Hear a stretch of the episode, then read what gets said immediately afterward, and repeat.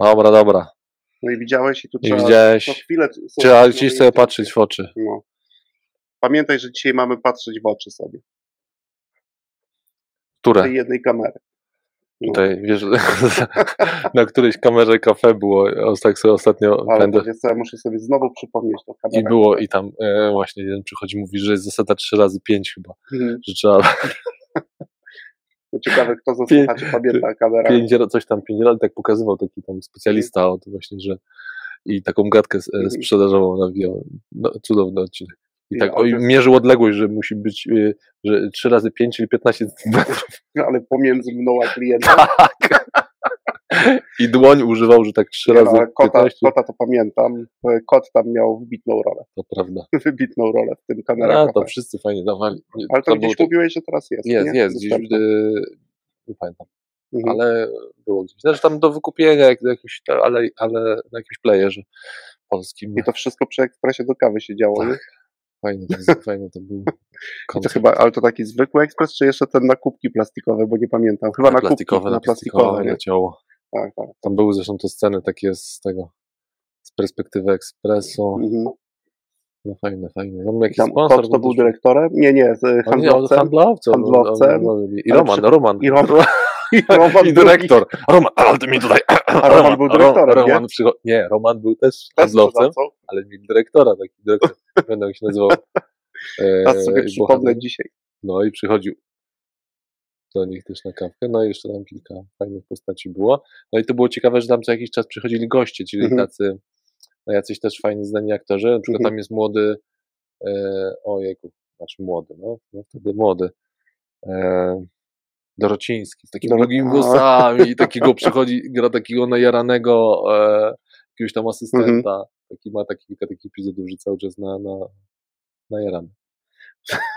To ładne, No. ładne, ładne mi tu klimaty w piątek, panie Konrad. No co to firma była, no to No, ale to tak, No. też pamiętam. Ale nie oglądałem chyba za wielu odcinków, ale ja sobie przypomnę z chęcią. Tym bardziej, że to w klimacie, nie? Handlowcy, dyrektor, dyrektor, no ekspres przy kawie. zasada, i zasada trzech, trzech, y, trzech piętnastek, czy trzech piątek, Trzech piątek. odległości.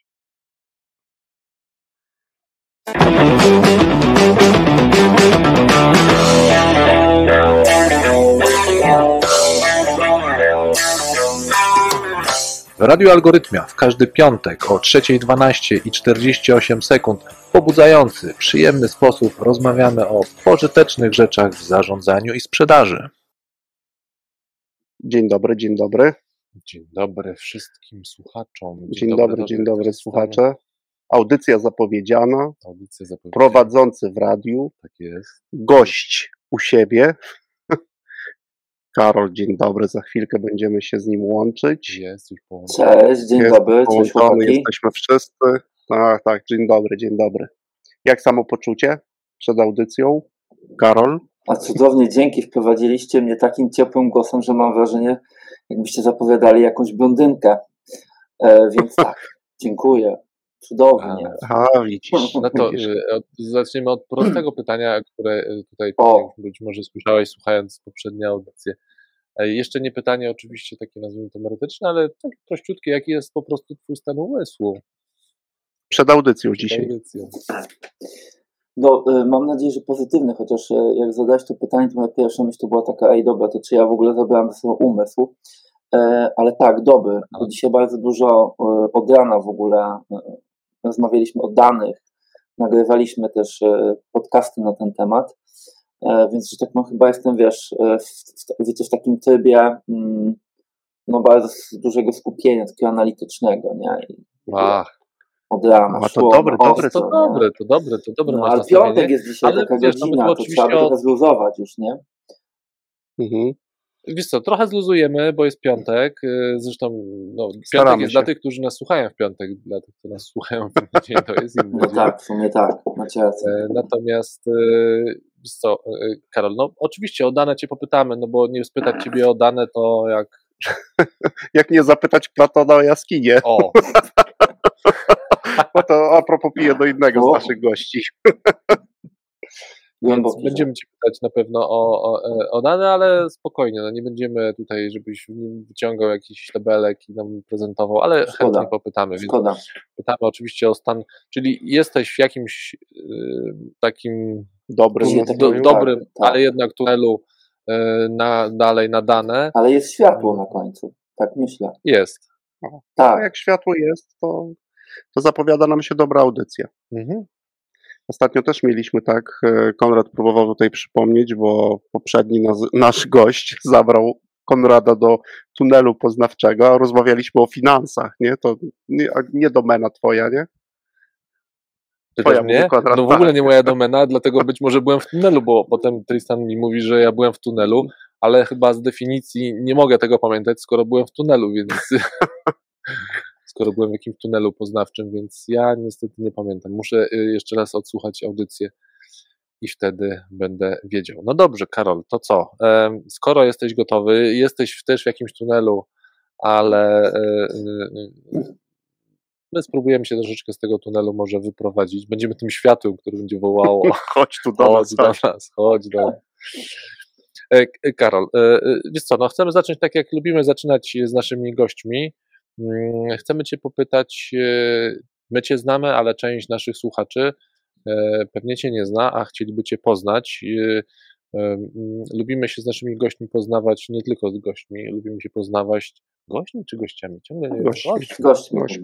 Dobrze, Mhm. sprawdziłem sobie. Dobrze, że jednak są nas trzy mózgi, obawiałeś się, że- Zabraliśmy wszystkie trzy dzisiaj. że, ale jakoś Plus tak jak to brzmi z gośćmi, to mi to nie gra. Dobra, nieważne. Y, Więc z gośćmi lubimy się tak y, zapoznać y, przez trzy cyfry liczby. No i Ciebie oczywiście też do, tej, y, do tego przedstawienia zaprosimy, czyli żebyś przedstawił nam się, nam, słuchaczom, mm, przez trzy cyfry liczby, no ale przedstawił się oczywiście z takiego kawałka swojego zawodowego, a że lubisz dane, no to być może tutaj coś dorzucić do tych liczb, jeszcze może jakąś średnią Mediany bardziej chyba niż średnią. medianę. Dobra. Mediana to ostatnio moja ulubiona statystyka. Się śmieję, że odkąd urodziło mi się trzecie dziecko, to mam medianę. Już mogę policzyć coś w końcu na tych Mhm. dzieciach. A tak, e, wiesz, to z czterech liczb, kurczę, to dobre pytanie jest. Mm, chyba cztery. E, to Trzech. Mogą być Trzech, trzy, ale mogą być trzy, ale jak potrzebujesz czterech, to jest okej. Nie, nie, właśnie nie. E, że chyba pierwsza z nich to cztery.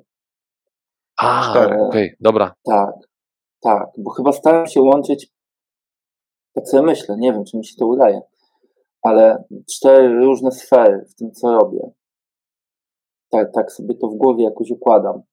Sferę Mhm. naukową i jakby pracy na uczelni, może wcześniejszej, trochę mnie to męczyło, ale z jednej strony jakby pracy naukowej, z drugiej wykładanie na uczelni, coś jakby miałem okazję, trzeciej pracy w wewnętrznym HR-ze, czyli od wewnątrz, tak, organizacji.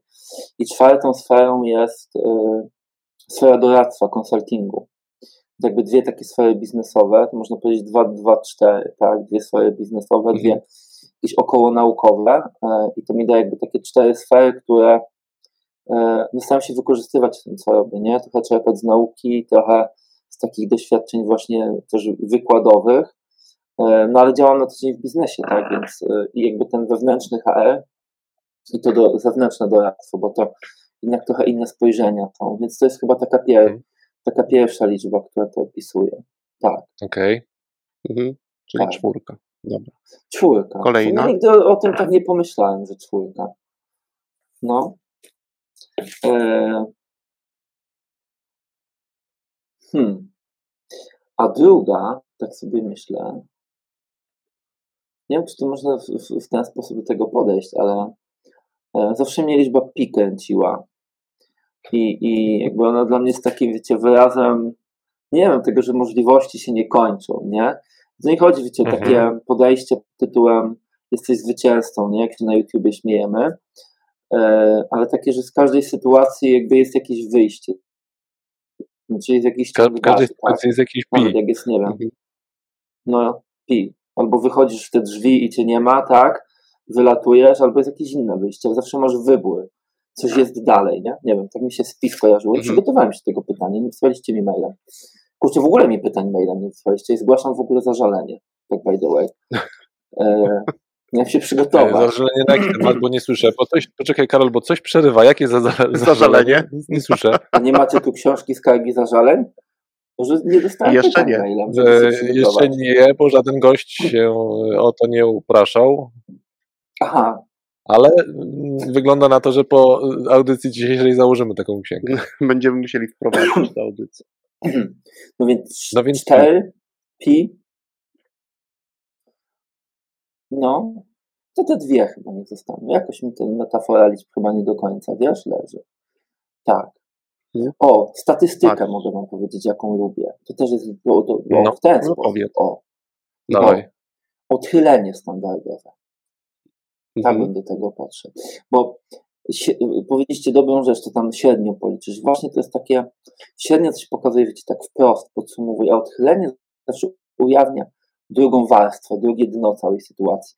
Ja myślę, że e, to jest takie coś, co ja lubię robić, żeby postarać się poszukać drugiego dna w tym, co się robi. Dla mnie odchylenie, Mhm. odchylenie w takich prostych raportach, które się gdzieś tam raportuje w organizacjach, to często właśnie ujawnia to drugie dno. Więc 4 pi i odchylenie standardowe. No to mamy, Mamy. to mamy. Trzy. To może obejdzie się bez księgi zażaleń. Udało się, mamy trzy i cztery cyfry. A, Dobrze, nie było Karol, to proste. cztery, y, mhm. cztery pierwsze mm, obszary. No, dwa z nich to tak y, gdzieś y, mi od razu odpowiadają i skojarzenie pierwsze z podstawami evidence-based, no bo i wiedza naukowa, a później fakty i dane z organizacji, tak? czyli tam, gdzie No. działasz w HR, działasz naukowo, możesz sobie to spokojnie zostawiać, gdzieś e, no, wykorzystujesz to w codziennej pracy.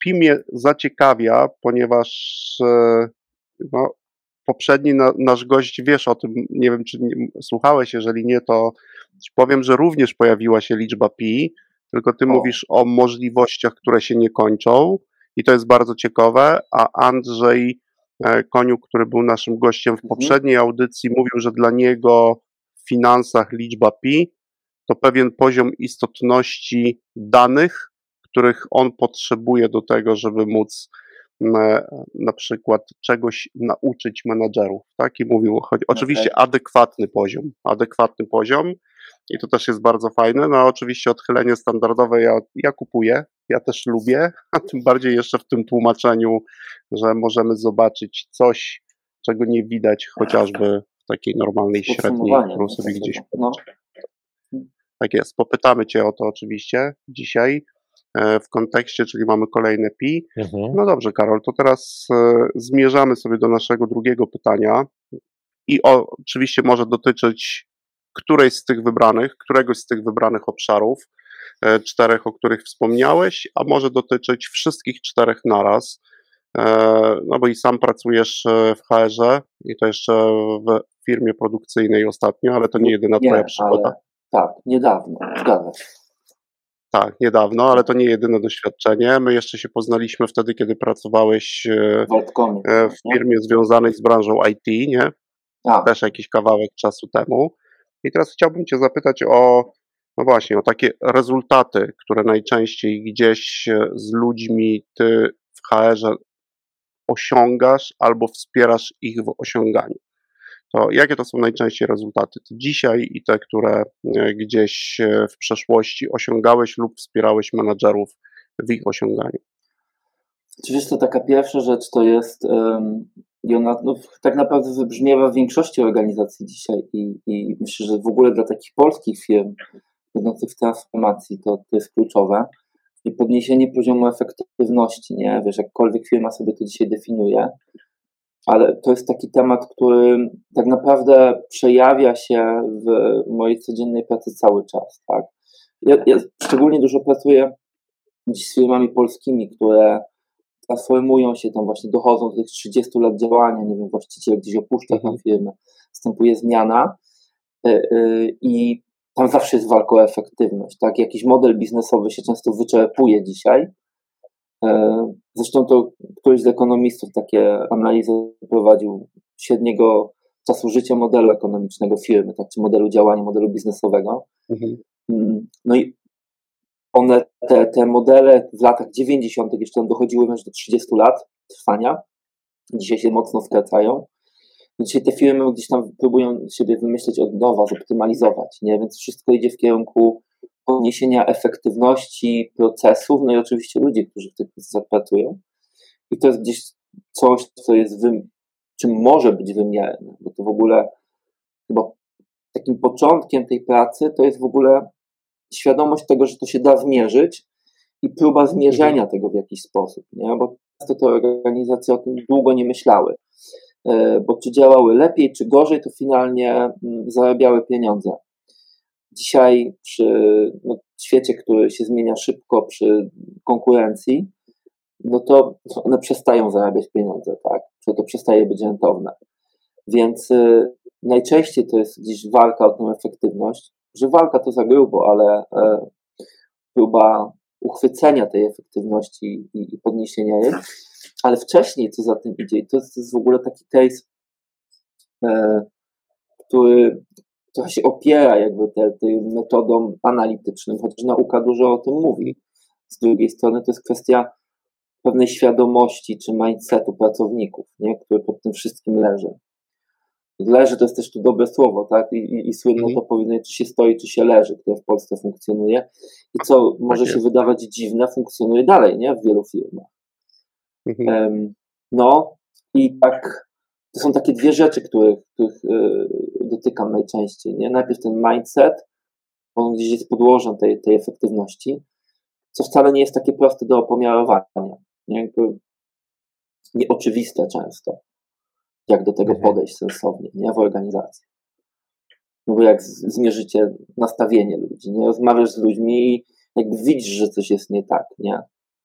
Że są w jakimś rodzaju marazmu, że nie chce im się, bo, bo są wypaleni, bo organizacja stworzyła takie, a nie inne środowisko przez lata, bo tu jakby jestem daleki od tego, żeby, żeby tą przyczynę lokować e, w pracownikach to najczęściej jest środowisko w tych sytuacjach, tak, które przez wiele lat że doprowadziło do tego, że, że są ubezwłasnowolnieni. Nie? Dzisiaj nowa gospodarka wymaga od nich decyzyjności na przykład, tak, brania odpowiedzialności za pewne tematy.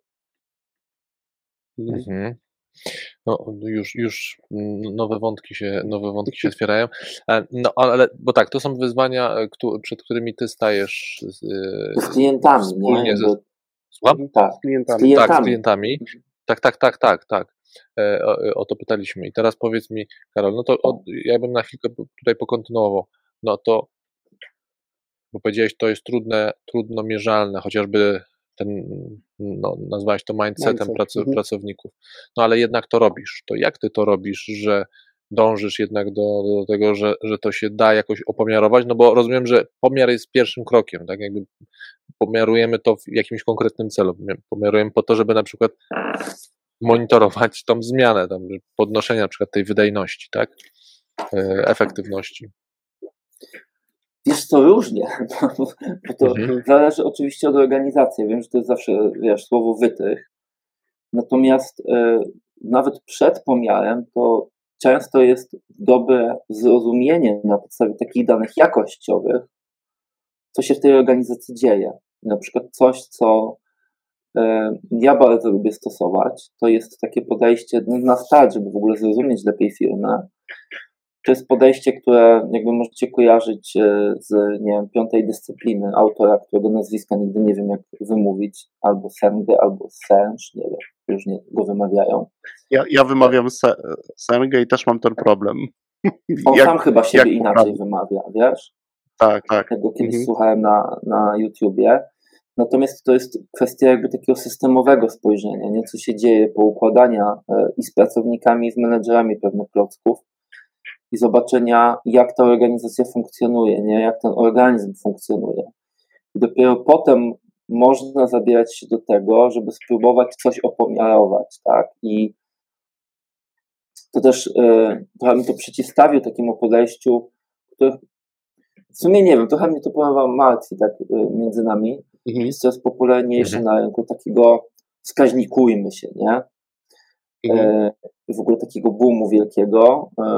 To też jest w HR-ze bardzo mocno jakby lansowane. Ja nie mówię, że wskaźniki nie są potrzebne, tak? sam się tym zajmuję, sam jakby pomagam HR-owcom je układać, ale to nie jest tak, że mamy, nie wiem, 10 miar, którymi powinniśmy zmierzyć każdą organizację. Ok, może na poziomie rezultatów biznesowych, globalnych, tak? Ok, ale kiedy, wiecie, zejdziemy już z tego poziomu rezultatów organizacji, tu mam na myśli miary typu marża na przykład, tak? Na koniec Tak roku. Y, na poziom y, tych performance indicators, nie? czyli które pokazują już, Mhm. jak działają procesy w tej organizacji, jakby szczebel niżej, to to wcale nie jest oczywiste, nie? I no, trochę nie mnie- jest oczywiste, żeby to, y, żeby to mierzyć, tak? Znaczy, co mierzyć, nie? Bo to jest tak, no, Mhm. taki obszar, który jest mi bardzo bliski, nie? HR-u i jakby efektywności polityki personalnej, nie? Wszyscy mierzą rotację, nie? I tam, wiecie, Mhm. debatują, jak ją zmierzyć, jak policzyć jej koszty i tak dalej, nie? W ogóle, albo po, porozmawiacie na konferencjach HR-owych, no to ludzie się benchmarkują, my mierzymy takie wskaźniki, my takie, my wszyscy jakby są zachwyceni, że mierzą, nie? Tylko jak, wiecie, zadamy sobie pytanie, no dobra, no ale jakby po co, nie? Po co? co my tam mierzymy, no to, no bo jest benchmark, nie? No i to, to jest takie, To wtedy jesteś wyproszany z konferencji. zadamy pytanie, jeszcze mnie zapraszają, w sumie nie wiem po co na dobrą sprawę. Może właśnie, żeby podenerwować, ale ja bym się wy- wyprosił wtedy, nie? Ale wiecie, to zawsze takie, się możemy z tego śmiać, takie banalne pytanie o cel, nie? No jak organizacja ma problem z marżą, no to będziemy kontrolować koszty, tak? I usprawniać procesy. Jak ma problem z innowacyjnością, to nie będziemy się zmurzać nad tym, że coś jest drogie, tylko będziemy próbować uruchomić proces innowacyjny, nie? Tam Mhm. i jakby spotykam się często z tym, już trochę odjechałem od waszego pytania, ale że jakby strasznie duże jest walki o ten taki poziom narzędziowy, wskaźnikowy, e, tego co kto mierzy, jak to zrobić lepiej, a strasznie mało z takiej dobrej refleksji, no dobra, to czego ta organizacja potrzebuje, nie? Jakby wybierzmy naprawdę jedną rzecz, dogadajmy się, że ona jest istotna, jakby spójrzmy na organizację całościowo yy, i dopiero potem ułóżmy pod to pomiar. Jakby who Mhm. że nie mierzymy 20 innych rzeczy, które mierzy firma naprzeciwko po drugiej stronie ulicy, nie? Mhm. I jakby tego, wiecie, powiem, dużo obserwuję. To jest też takie podejście, z którym kiedy wchodzę, na początku ludzie mówią, no dobra, ale to jak możemy 20 podstawowych wskaźników nie mierzyć, nie? No Normalnie. Mhm. Nie mierzyliście ich przez ostatnie 5 lat. Nie będziecie mierzyć jeszcze pół roku, się nie zawalicie chyba, nie? Ale wybierzmy coś, co jest istotne, nie? I, i ten wybór tak naprawdę często jest wyborem, który bazuje na danych jakościowych, nie? No bo rozmawiasz z top managementem, z pracownikami, robisz jakieś badania, mapujesz to wszystko, tam Senge trochę podpowiada tak, tych różnych sposobów mapowania systemowego. No i podejmujesz taką, powiedziałbym, bardziej świadomą decyzję, nie? Decyzję.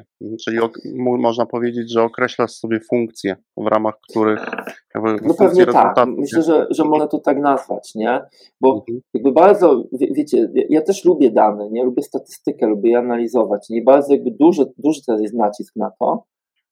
E, natomiast ja widzę bardzo wiele analiz, które są robione po nic, nie? I jakby Mhm. to jest to, to pytanie, e, na które sobie trzeba odpowiedzieć wcześniej, takie z poziomu strategicznego, po co my to robimy, co jest istotne, jest jakby mam wrażenie strasznie mało sekcji, bo ludzie już chcą działać i tu tłuc dashboardy i wyciągać wnioski.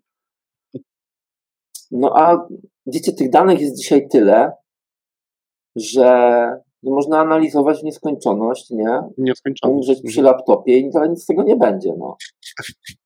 Możemy siedzieć, a tym bardziej, Nie? że jeszcze różnego typu oprogramowanie do analizy, wizualizacji danych No jest tak, coraz no to- ciekawsze i też przyciąga, Zabawka nie? Do, Tak, no zabawka jest przednia, nie? To jakby można Tak, tak, noc, tak. nie?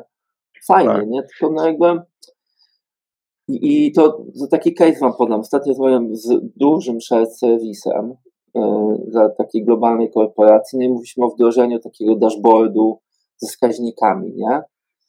No i oni chcieli się skonsultować. No i super, no bo jakby pogadajmy, nie? No i pokazują mi swoją koncepcję, wdrożeniu chyba 42 czy 3 wskaźników, nie? Pod to hurtownia danych, y, BI jest super, nie? Ja mówię, no dobra, ile będziecie to robić? No, no już tu IT robi hurtownię, no dobra, no i? Kto z tego będzie korzystał? No nie, no da się menedżerom, żeby patrzyli, nie? No dobra, jest, i będą właśnie patrzeć, nie? Mhm. No, ale wiecie, jakby podejście, które, no ja lubię bardzo proponować firmom, nie? Mówię, dobra, spoko, super, fajnie, że macie możliwości, ale weźmy jeden ten wskaźnik, pogadajmy z menadżerami, którzy chcieliby z tego korzystać, zróbmy z nimi pierwsze wdrożenie, nie? Nie wiem, jedną dwudziestą tego dashboardu, ale przejdźmy cały proces. Od jakby mhm. zadania pytania, przez zebranie tych danych, analizę, wyciągnięcie wniosków, po wdrożenie tych wniosków. No to nie, jakby to, to jest podejście, które jakby nie siada do końca, nie? Ale moim zdaniem ono jest właściwe, nie? Jakby przejdźmy od A do Z Mhm. Jeden wskaźnik. Mamy na to inne słowo, które tu się już pojawia, czyli słowo, że to jest po prostu, tak jak powiedziałeś, że to nie jest sexy, to my mówimy, że to jest po prostu old school. Old school. Co, co ty tak. też, Karol, proponujesz, y, oczywiście z całą sympatią do tego, bo my z tym sympatyzujemy, to jest podejście oldschoolowe. No ty proponujesz, żeby się zatrzymać, żeby sobie zadać pytanie, po co mielibyśmy to robić i dopiero potem funkcję. określić jakąś funkcję i dopiero potem no. Rzeczywiście sprawdzić, dobra, to czy my możemy to mierzyć, jak my to możemy mierzyć i co z tego pomiaru ma dla nas wynikać. Ale o tym oczywiście sobie e, ten temat e, jeszcze rozwiniemy, natomiast teraz zapraszamy nas, naszych słuchaczy i Ciebie, Karolu, również na nasz pierwszy set muzyczny i widzimy się po przerwie. Muzyczny.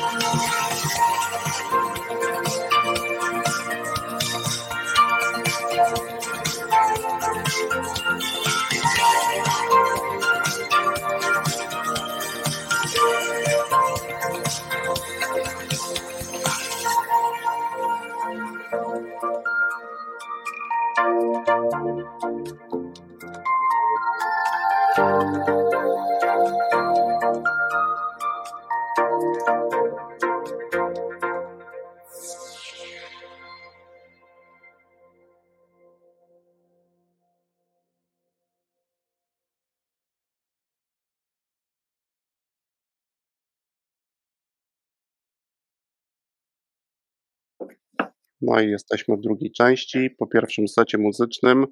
Jak słyszałeś, Karol, my tutaj przerywamy sobie od czasu do czasu muzyką. Oczywiście naszych słuchaczy, tak, tak, zapraszamy e, do tego, żeby mogli zapoznać się również z piątką gościnną od ciebie. Muszę przyznać, że ciekawą, ciekawą z różnych obszarów. Nie, to w ogóle trauma dla mnie była, słuchajcie, ta muzyka. Ja pisałem o tym. Ja się nie mogę takimi rzeczami dzielić publicznie. ale to jest naprawdę ciekawe. E, wiem, że to dla niektórych jest trudne, dla niektórych łatwiejsze, ale wiesz, e, raz, że to naprawdę różne światy, ale również takie światy. My dzisiaj z Konradem przez chwilę rozmawialiśmy o, o jednym z tych utworów z metra, no i to jest akurat to pokolenie, które myślę, że metro. Ojej, Karol, żeśmy sobie dzisiaj w biurze odpuścili, ja mówię, weź Tristan to wyłącz, bo ja się popłaczę, nie? No, Płakałem na metrze w Buffo cztery razy, więc wiecie, jakby A, mogę jechać piąty, nie? No, nie, Tak, nie, tak, ale potem ten, wiesz, Karol, bardzo też ciekawy wątek, e, który ja lubię i przyznaję się do tego, czyli łączenia muzyki poważnej z jazzem. E, I tutaj też ta wędrówka, wiesz, w stronę Vivaldiego. No, naprawdę, ja też słucham każdej waszej propozycji, jest to dla mnie ciekawe. E, Tym bardziej, że bardzo często też goście, tak jak i ty, mówią, w jakiej sytuacji tej muzyki słuchają. No, dużym odkryciem, zresztą Piotka Prokopowicza znasz, było to, że on swoje książki pisze przy trash metalu. I wiesz, i mówił nam tutaj o tym, że chociażby dowody powstawały przy trash metalu i on sobie włączał, wiesz, tego typu muzykę, siadał i pisał, nie? I gdzieś tam to wspierało cały ten proces myślowy, który też jest. No, także to bardzo ciekawe. Wracamy do, do, do, do wątku poruszanego w pierwszej części, e, Karol, przez ciebie. Mnie oczywiście zaintrygowało w tej w Twojej wypowiedzi to, co było istotne. E, Dla mnie to znaczy, no właśnie, i nawet jeżeli mam dashboard, mam raport, to teraz ja, co ja jako menadżer, czy jakiś szef jakiejś, jakiegoś zespołu, bo wiesz, my tu mamy też taki kanon, że na naszej widowni siedzi sobie menadżer, Mhm. którego sobie zdjęliśmy ze sceny, mhm, Mm. Zatrzymaliśmy go trochę, on sobie patrzy na ten obszar, którym tam zarządza, na, jak, na współpracę z ludźmi e, i od czasu do czasu e, na tą widownię przychodzi ktoś, taki jak ty, i on może ci zadać jakieś pytanie, a ty możesz mu na nie odpowiedzieć, lub czasami nam się zdarza, że mówimy, że szepcze, możemy mu szepnąć coś dobrego na ucho. Mnie ten wą- wątek zaintrygował, bo ja też mogę podać przykład e, in plus, że no, często tego typu zwroty, o którym tutaj mówiłeś, czyli zastanówmy się, po co my chcemy to zrobić, dzisiaj też już pada na podatny grunt. Jest wielu menadżerów, którzy być może dlatego, że przeszli oni przez wiele mód, Mhm. e, przez wiele różnych, wiesz, ciekawych propozycji, mniej lub bardziej biznesowych, mniej lub bardziej e, takich e, no, zre- zrewidowanych. Mówię tutaj o różnych pomysłach, o modelach biznesowych, o różnych metodach pracy. I oni dzisiaj, no, przykład akurat e, z pracy z jednym z naszych klientów, gdzie istotnym pytaniem było pytanie, też, też pracowaliśmy nad dashboardem, by the Mhm. way, ale skończyło się na trzech wskaźnikach, a dyskusja wyboru tych wskaźników to była, zawsze zaczynała się od pytania. No dobrze, jeżeli ja wy, wybierzemy ten wskaźnik, dotyczy, one oczywiście to są wskaźniki efektywności pracy e, bardzo dużych zespołów, Mhm. to co my z nim dalej zrobimy? Po co w ogóle on nam jest? O czym on nas wcześniej na przykład poinformuje? No i to, to, jest, to jest budujące w tym kontekście, że może trzeba dojść do jakiegoś momentu, nie wiem jakie Karol, twoje są doświadczenia, że w pewnym momencie no, sam jako menadżer powiesz, a chyba trzeba wrócić do podstawowego pytania, po co mi to? Tak? Po co mi to? Co ja z tym dalej zrobię? Wiesz, ja lubię takie podejście do wskaźników, że jak patrzysz na wskaźnik, widzisz jakąś jego wartość, to musisz wiedzieć, do kogo wykręcić numer telefonu, żeby coś z tym zrobić. Jak tego nie wiesz e, i ten wskaźnik ci tego nie mówi, to on jest nieużyteczny. Mam na myśli ten poziom performance indicators, tak? Nie, nie rezultatów organizacyjnych. To jakby jest inna historia, nie? Ale jak ty nie wiesz, do kogo zadzwonić, żeby coś z tym zrobić, to to jest nieużyteczne po prostu. A z drugiej Ja strony, nawet ci tak, pogłębię. no, Ja po, pogłębię. Wiesz, jakie ja wskaźniki lubię? Takie, które, które są istotne dla ludzi, z którymi współpracują i jak oni widzą wartość, co, i wiedzą, to co nie jest zrobić, wartość nie? pożądana, to oni wiedzą, że ja zadzwonię. Okej. nie? I- to, to Właśnie, jest jakby nie? istotne. O to chodzi. Mhm. I jeśli Ale zobacz, to- Karol, jakiś, się- No, no, jakiś się pomysł na soft urodził. Wyobraź sobie taki dashboard, na którym przy zmianie wskaźnika, przy jakimś odchyleniu pojawia się numer telefonu. No w sumie to by nie było takie trudne do osiągnięcia, tak sobie myślę. Tak, dzisiaj zadzwonię do ciebie, zadzwonię do ciebie. Nie? I to jest, to jest jakby to istotne. No ale teraz, Karol, jak sobie rozmawiamy w tej funkcji, różnych wskaźników tego, co robisz e, w HR-ze często i gdzieś właśnie mówisz, i mindset, i to, o czym ludzie myślą, w jaki sposób myślą, czy im się chce, czy im się, czy im się nie chce, potem przekładamy sobie to na wskaźniki mm, efektywności, no właśnie te kluczowe dotyczące no, pewnej naszej wydajności w różnych obszarach, to gdybyś tak ze swojego doświadczenia miał podsumować, co takiego często z Twojego doświadczenia robią menadżerowie, że w efekcie nie robią, czyli nie osiągają rezultatów, które sobie mm, gdzieś wcześniej prognozują. Widzisz, że ewidentnie jakieś działania są kontrskuteczne do rezultatów biznesowych, które chcą osiągnąć. Może być w obszarze HR-u, bo wiem, że to jest ten obszar, który lubisz. Jest to, jak, jak, jak w ogóle formułować to pytanie, przyszedł do głowy taka myśl, że ci ludzie właśnie nie robią. Mhm. E, znaczy ci, my, wszyscy, bo to jakby ja jakby nie, nie wyłamuję się spod tego, ale e, odwołam się do nauki. To jest taka rzecz, która e, jakby jest bardzo ciekawa.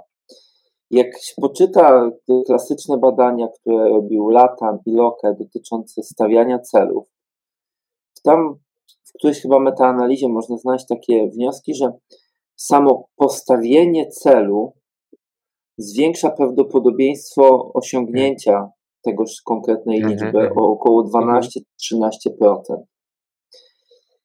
I teraz, tak jakbyśmy, nie wiem, no może ja pracuję z takimi firmami akurat, ale ja spotykam bardzo wielu mhm. menedżerów, którzy nie stawiają sobie celu. To Patryk, idziesz dalej, to też pytanie, dobra, jakby co robimy, że nie osiągamy, tak? Jakby, czy jak działamy, mhm. że, że nam się nie udaje. Ale ja mam wrażenie, że my bardzo często w ogóle sobie nie stawiamy celów. Ja to dlatego się odwoływałem trochę do tego mindsetu, i nawet o co mi chodzi? Chodzi mi o to, że postawienie sobie celu takiego świadomego, dobra, ja chcę na koniec roku, ale chcę, nie, że mój dyrektor mi mówi, że ja mam chcieć, tylko ja chcę osiągnąć to i to. To jest chyba jakby najsilniejsze i najtrudniejsze zobowiązanie, jakie ja sobie mogę wyobrazić, jest zobowiązanie przed samym sobą. To nie chodzi o postawienie celu, że menadżer mi przyśle na ten rok, to masz takie KPI, tak, nie wiem, takie ci OKR przygotowałem z prezesem, nie? Mhm. Tylko ty się deklarujesz sam przed sobą. I mówisz, dobra, to jest istotne i chcę to osiągnąć. I w tym momencie, moim zdaniem, jak osiągasz ten jakby swój, swoje spojrzenie na tę sytuację, to przestajesz traktować wskaźnik jako bat, co jest bardzo częstym mhm. nadużyciem w organizacjach, nie? a zaczynasz go traktować jako to, do czego on został powołany, czyli coś, co daje ci informację zwrotną. No bo to o to chodzi okay. w tym wskaźniku, nie? Ja, jasne, ale y, wiesz, Karolu, jak zadajemy to pytanie, y, no, no właśnie, co zrobić, żeby nie zrobić, i ty mówisz, ok, no właśnie, że sobie, że masz takie swoje doświadczenie, że bywa, że menadżerowie sobie tego celu nie stawiają, co jest jakby, mhm. to, to, to, to, że tak powiem, pytanie dodatkowe, no to co robią, czy też jak robią, no bo ty jednak z nimi działasz, współpracujesz, jak chociażby obserwujesz, no to nie stawiają celu, to co robią w takim razie zamiast tego? No bo jednak Pracują. coś robią. Wykonują zadania, Aha. a nie realizują cel, nie? Zobacz, podam taki przykład, to zresztą taka ciekawa transformacja też y, firmy takiej ponad 300-osobowej, z którą pracowałem, tak? I tego, że proces trwał dwa lata na początku menedżerowie jakby mieli podejście, dobra, no jakby musimy to zrobić, bo nie wiem, bo jest tak i tak.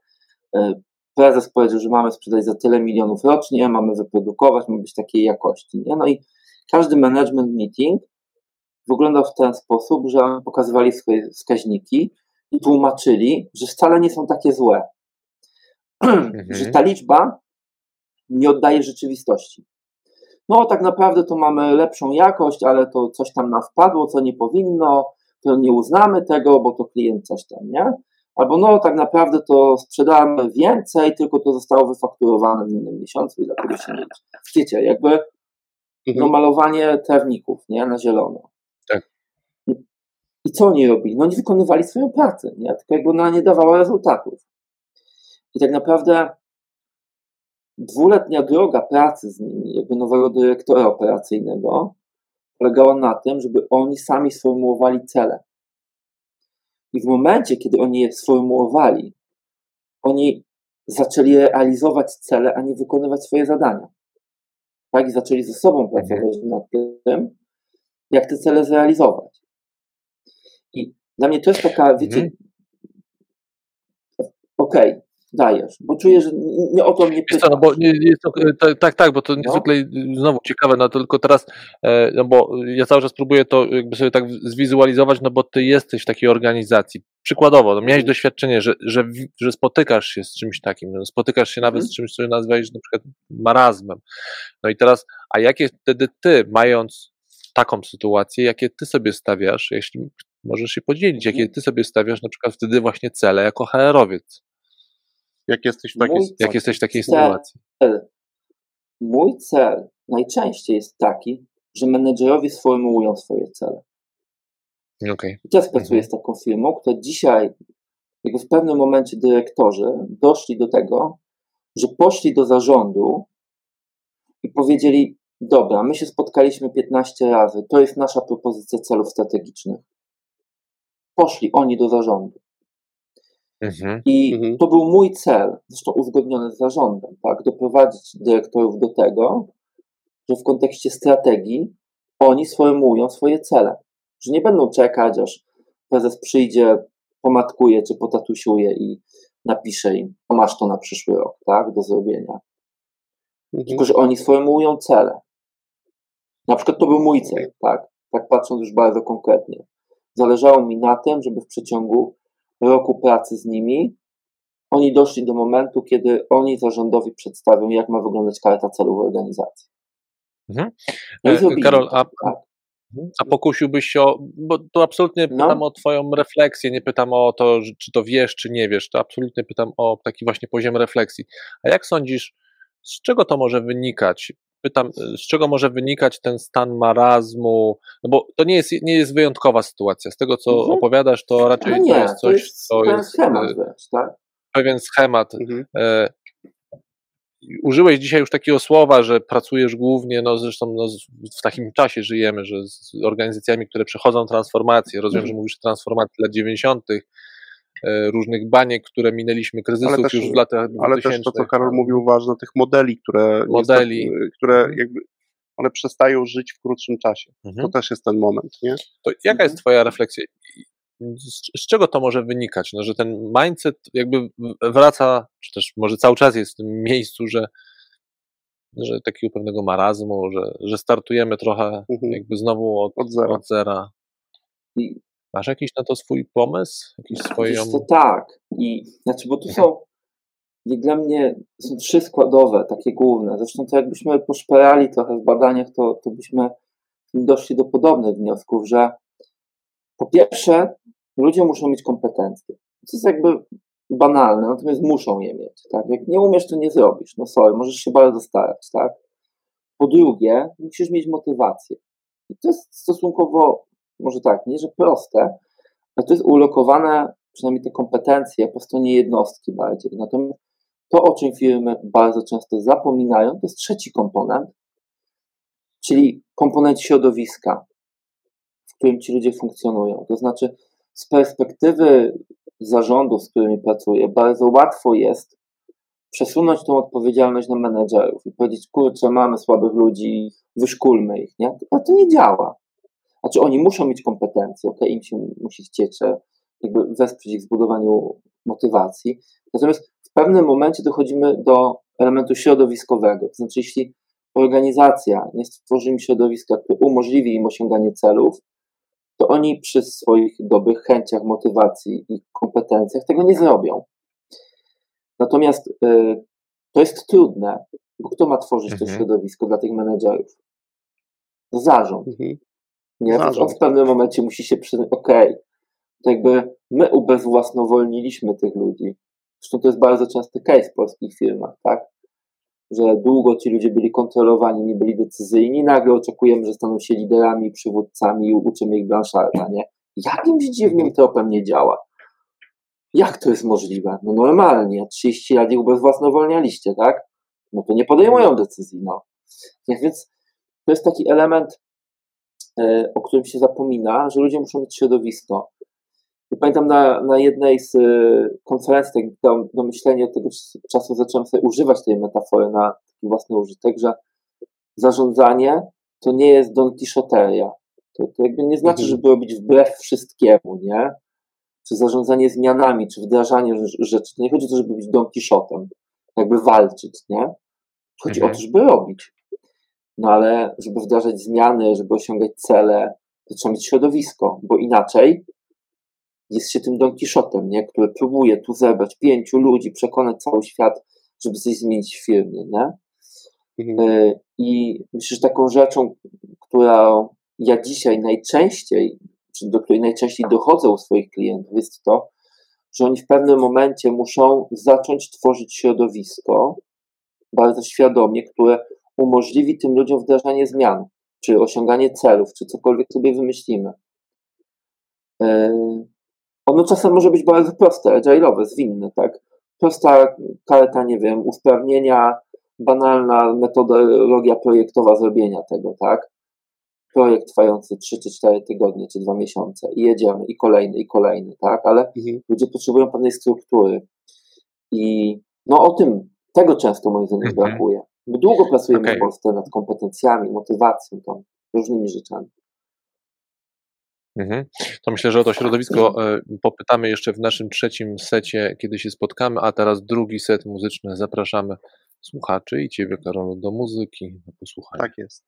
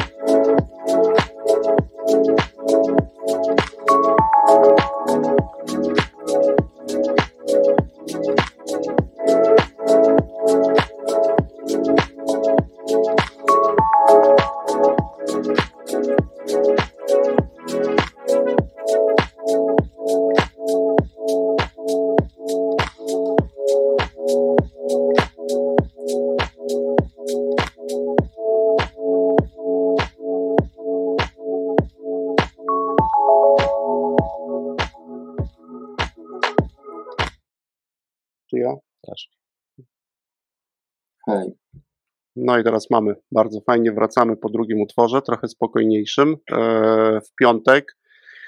Ach, taki fajny, bo, bo mój temat też, e, Karol, gdzieś poruszyłeś. My też często mówimy o budowaniu tych e, warunków do osiągania celów. Przyjmujemy, że one już są też gdzieś w organizacji i teraz my jako menadżerowie możemy przyjąć sobie na potrzeby dzisiejszej rozmowy, że menadżerowie na tym najwyższym poziomie, którzy stanowią zarząd, powinni no przynajmniej troszczyć się e, o tym, żeby o to, żeby tworzyć ludziom e, warunki.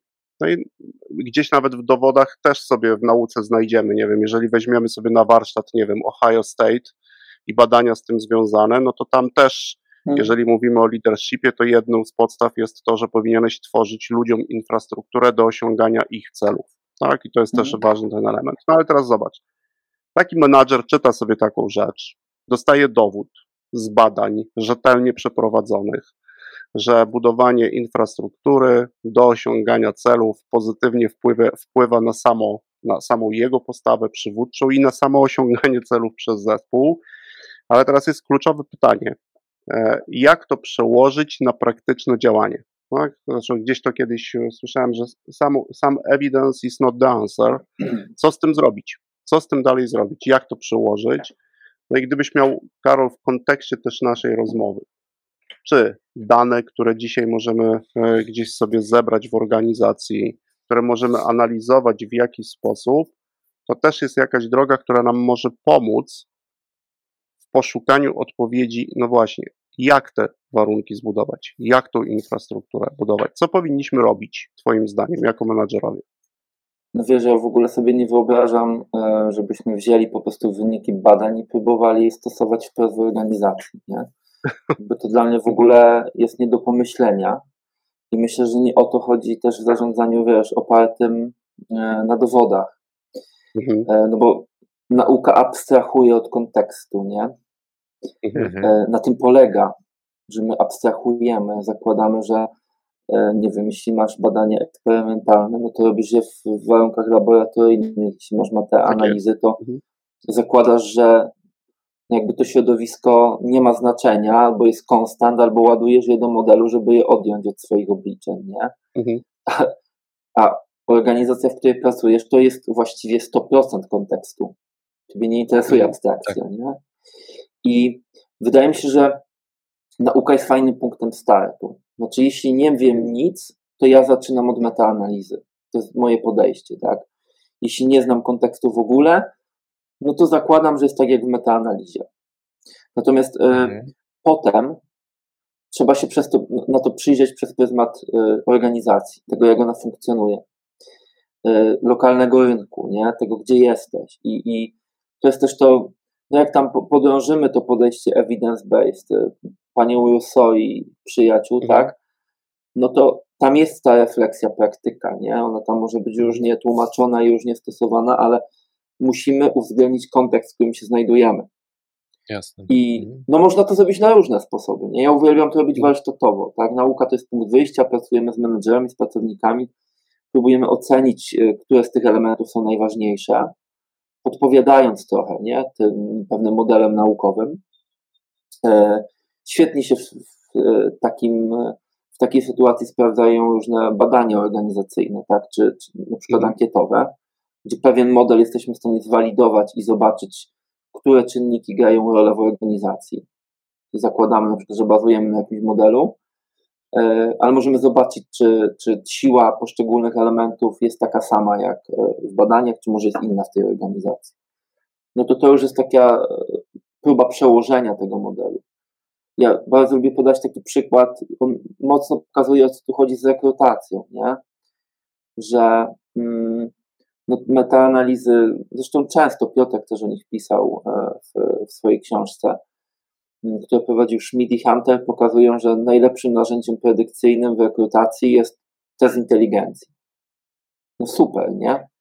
No ale teraz wyobraźcie sobie, że rekrutujecie programistów e, do biura w centrum Warszawy. I czy możecie im zrobić test inteligencji? No jak kiedy te wyniki badań przepuścicie przez lokalny kontekst tego, że oni się po prostu Mhm. obrażą, kiedy im podrzucicie ten test do zrobienia, bo, jest, bo ich nie ma na rynku i jakby mają swoje wymagania, no to widzimy absurd tej sytuacji, nie? I ona łatwo pokazuje, nie? W innych obszarach to jest jakby mniej namacalne, natomiast trzeba założyć, że jest tak samo, nie? Że, że również nie ma tego prostego przełożenia, że trzeba je znaleźć. No i tu się pojawia fajna praca twórcza, ale wchodzimy już właśnie w badanie organizacyjne, tak? I w testowanie Mhm. tego, czy, czy ten model ma odzwierciedlenie w tej firmie. On jest bardzo często dobrą podpowiedzią, no bo po to jest nauka, tak? Ale, Mhm. mm, no ale może odkryjemy, że jeden czynnik działa z, nie wiem, trzech, które pokazuje badanie naukowe, a dwa nie działają, tak? Tak jest. No To dobrym przykładem badania w organizacji jest pilotaż, tak, który często gdzieś Tak. stosujemy, nie? Mhm. No tak, no to w ogóle już wiesz, już jest na fazie w ogóle wdrożenia, nie? Tu jeszcze Mhm. e, mówimy o tej nawet fazie wcześniejszej, pewnej diagnozy sytuacji, nie? co ma znaczenie. No to nauka coś podpowie, ale jakby nie da odpowiedzi. I to piękne anglojęzyczne zdanie, zresztą chyba z książki Rousseau, e, które przytoczyłeś, e, no jakby dobrze oddaje, tak? Chyba to, jak to w rzeczywistości wygląda.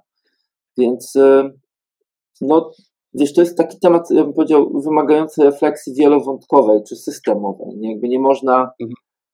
przełożyć tego jeden do jeden. To, to by był straszny błąd i mm, powiem tak, kiedyś to mnie oburzało, dzisiaj to mnie trochę bawi, a pewnie za pół roku czy rok po prostu nie będę na to zwracał uwagi, ale trochę mnie bawią jakby ludzie, którzy, wiecie, na sztandary biorą wyniki badań naukowych i mówią, że tak wygląda świat, nie? Nauka jest super. Niczego lepszego nie wymyśliliśmy, chyba tak Einstein mówił, nie? Natomiast jej aparat narzędziowy ma swoje mocne strony i ma ograniczenia. Tym ograniczeniem bardzo dużym jest kontekst właśnie, nie? No, więc to, to, to nie jest proste, ale super ciekawe, nie? Jakby intelektualnie. To tak na marginesie. Rozumiem, że mówisz o tej wątpliwości korzystania z nauki e, Wprost. wprost, ale też no jakby w rzeczywistości biznesowej, która jakby No, takie, tak, no mówię tu o social tak, science no, generalnie. tutaj nie mówię- nie mówię o zdefiniowali, zdefiniowaliśmy mhm, na kilku też audycjach, no, że ona oczywiście jest, jest, jest w kontekście, ale też jest y, no jakkolwiek to banalnie nie zabrzmi, jest po prostu ciągle zmienna, chociażby nawet w tych No pro, tak. modelach biznesowych, o których mówiłeś, tak, że to jest jakby zmienna. Tak zareagowałem na z tą nauką, no bo rozumiem, że w innych obszarach wciąż można czerpać z nauki i wciąż można mieć Znaczy w naukę. biznesie na można, że powinniśmy więcej, tylko wiesz, to czerpać Tak. to nie znaczy kopiuj w klej, nie? To, to jest. To jasne, tak, tak, tak, tak. A my, tak. znowu, Mhm. to, no, a my szukamy prostej odpowiedzi, no ale to o tym Kahneman pisał, nie? Próbujemy tak na, na łatwo systemem Jeden do pierwszym jednego. ogarnąć. Mhm. No, a, w- a w innych, a tu powiem taka ciekawostka, to mnie bardzo zaskoczyło. Yy, Nie, jakby zaskoczyło, nie wiem jak to działa do końca, ale to po innych sfer i fizyki, i stosowania fizyki w biznesie. Bardzo za, zaskoczyło, kiedy pracowałem z ludźmi, którzy projektują elektronikę. Yy, Mhm. I to, że zgodnie ze wszystkimi na przykład zasadami fizyki, kiedy zaprojektowali jakieś urządzenie, ono powinno działać. Natomiast po podłączeniu go do prądu nie działa. Mhm. E, no bo zachodzą pewne dodatkowe zjawiska, które niekoniecznie na takim poziomie mm, układania pojedynczych komponentów dało się przewidzieć. Mhm. Idąc analogią do tego, to w ogóle może temat was kręci, jest coś takiego, co się nazywa modelowaniem agentowym. Tłumaczenie jest cudowne, Mhm. Czyli agent-based modeling, gdzie no, ono służy do tego, że jesteśmy w stanie bardzo często powiedzieć, jak zachowa się na przykład jedna cząsteczka wody i jedna cząsteczka lipidu. Taki przykład z biotechnologii, nie? Lipid ma dwie strony, jedna lubi wodę, druga nie lubi, nie? No jakby spoko. Mhm. Więc wiemy, że z jednej strony ten lipid będzie przyciągał wodę, z drugiej odpychał. No ale teraz pytanie, co się dzieje, jak do 10 milionów cząstek, do 10 milionów cząsteczek lipidów dodamy dwa wiadra wody. Mhm. No i to już nie jest oczywiste. Yy, Bo umiemy zrozumieć jedną relację, może Mhm. nawet w poziomie makro coś rozumiemy, ale w tym poziomie pomiędzy nie wiemy, jak te procesy przebiegają, nie? Umiemy je modelować Mhm. komputerowo, ale nie wiemy, co się wydarzy. I, i to Mhm. też jest takie ciekawe tutaj. Nie wiemy, jak dwójka ludzi może ze sobą wejść w interakcję, wiemy, jak działa firma, ale ten poziom średni, to się nawet kiedyś nazywał piekłem metodologicznym. Jest najtrudniejszy do obserwacji, nie? Takich procesów No to y, a, a, absolutnie temat na, nas na pewno wkręci, ale łącząc go ale- nieco Mhm. e, łącząc go z, z naszym tutaj tematem, no to absolutnie temat bliski pod tytułem, że nawet to już to, co powiedziałeś, coś się może sprawdzić w niewielkiej grupie, na przykład, w, w, na przykład jakiś model E, jak- budowania relacji, ale wystarczy, że z automatu go tylko nie, nie, nie, nie uwzględniając kontekstu, go przeniosę na szerszą Tak. skalę i już może nie zadziałać. Tak, tak. Bo pojawiają się kilka innych elementów, czyli słynne nasze rozmowy Mhm. o planowaniu, czy da się wszystko zaplanować i czy planowanie to jest właśnie tylko podnoszenie skali. Jeżeli ja tylko podnoszę skalę bezrefleksyjnie, no to wcześniej czy później raczej się na tym mm, przewrócę. No tak nawet teraz po lekturze, bo też mieliśmy, rozmawialiśmy, to już co prawda jest finansista, filozof też po trochu, czytaliśmy ostatnio, ty jeszcze czytasz, Konrad, tak, tak. Hajka, on też mówi, że im większa mm, złożoność e, i ilość osób, które wchodzą w interakcję, on często pisze o społeczeństwie, o państwach, tym niestety przewidywalność konsekwencji coraz mniejsza. I nawet e, pisząc o pewnych ustrojach politycznych, na chwilę zmieniając rzeczy, mówi, że nie powinniśmy tak naprawdę dążyć do tego, żeby przewidzieć wszystkie konsekwencje, bo najczęściej kończy się to katastrofą. Po prostu nie, jesteśmy w stanie tego A zrobić. wręcz zachęca do tego, żeby się pogodzić z Wręcz nieprzewidywalnością. odwrotnie, tak, tak. To Jakby jest to wartość, o przyjąć. którą trzeba zawalczyć. Tak, tak, No dobrze, to tym wątkiem e, Kończymy audycję. kończymy. Nie wiem, czy zauważyłeś, Karol, ale minęła godzina. No właśnie teraz rozmowy. zauważyłem. A tak, to tak, był no. moment, który bym jeszcze podciągnął, bo uruchamia mi się fajny A. wątek jego tym. Ale będziesz Tak, miał no. tę okazję i właśnie pociągniemy ten moment przerwanej, ponieważ teraz e, już bardzo gorąco żegnamy słuchaczy, a wiesz o tym, że mamy za chwilkę pięciominutową przerwę, zrobimy ekstra set i pociągniemy ten wątek e, no właśnie tego piekła metodologicznego niech będzie tak, że to jest pewne zaproszenie do posłuchania ekstra setu z Karolem, który był dzisiaj naszym gościem. Bardzo Ci Karol dziękujemy. Dzięki, Karol. Dzięki również wielkie za dziękujemy. zaproszenie. Trzymajcie się i dobrego weekendu. Dobrego Cześć. weekendu. Cześć.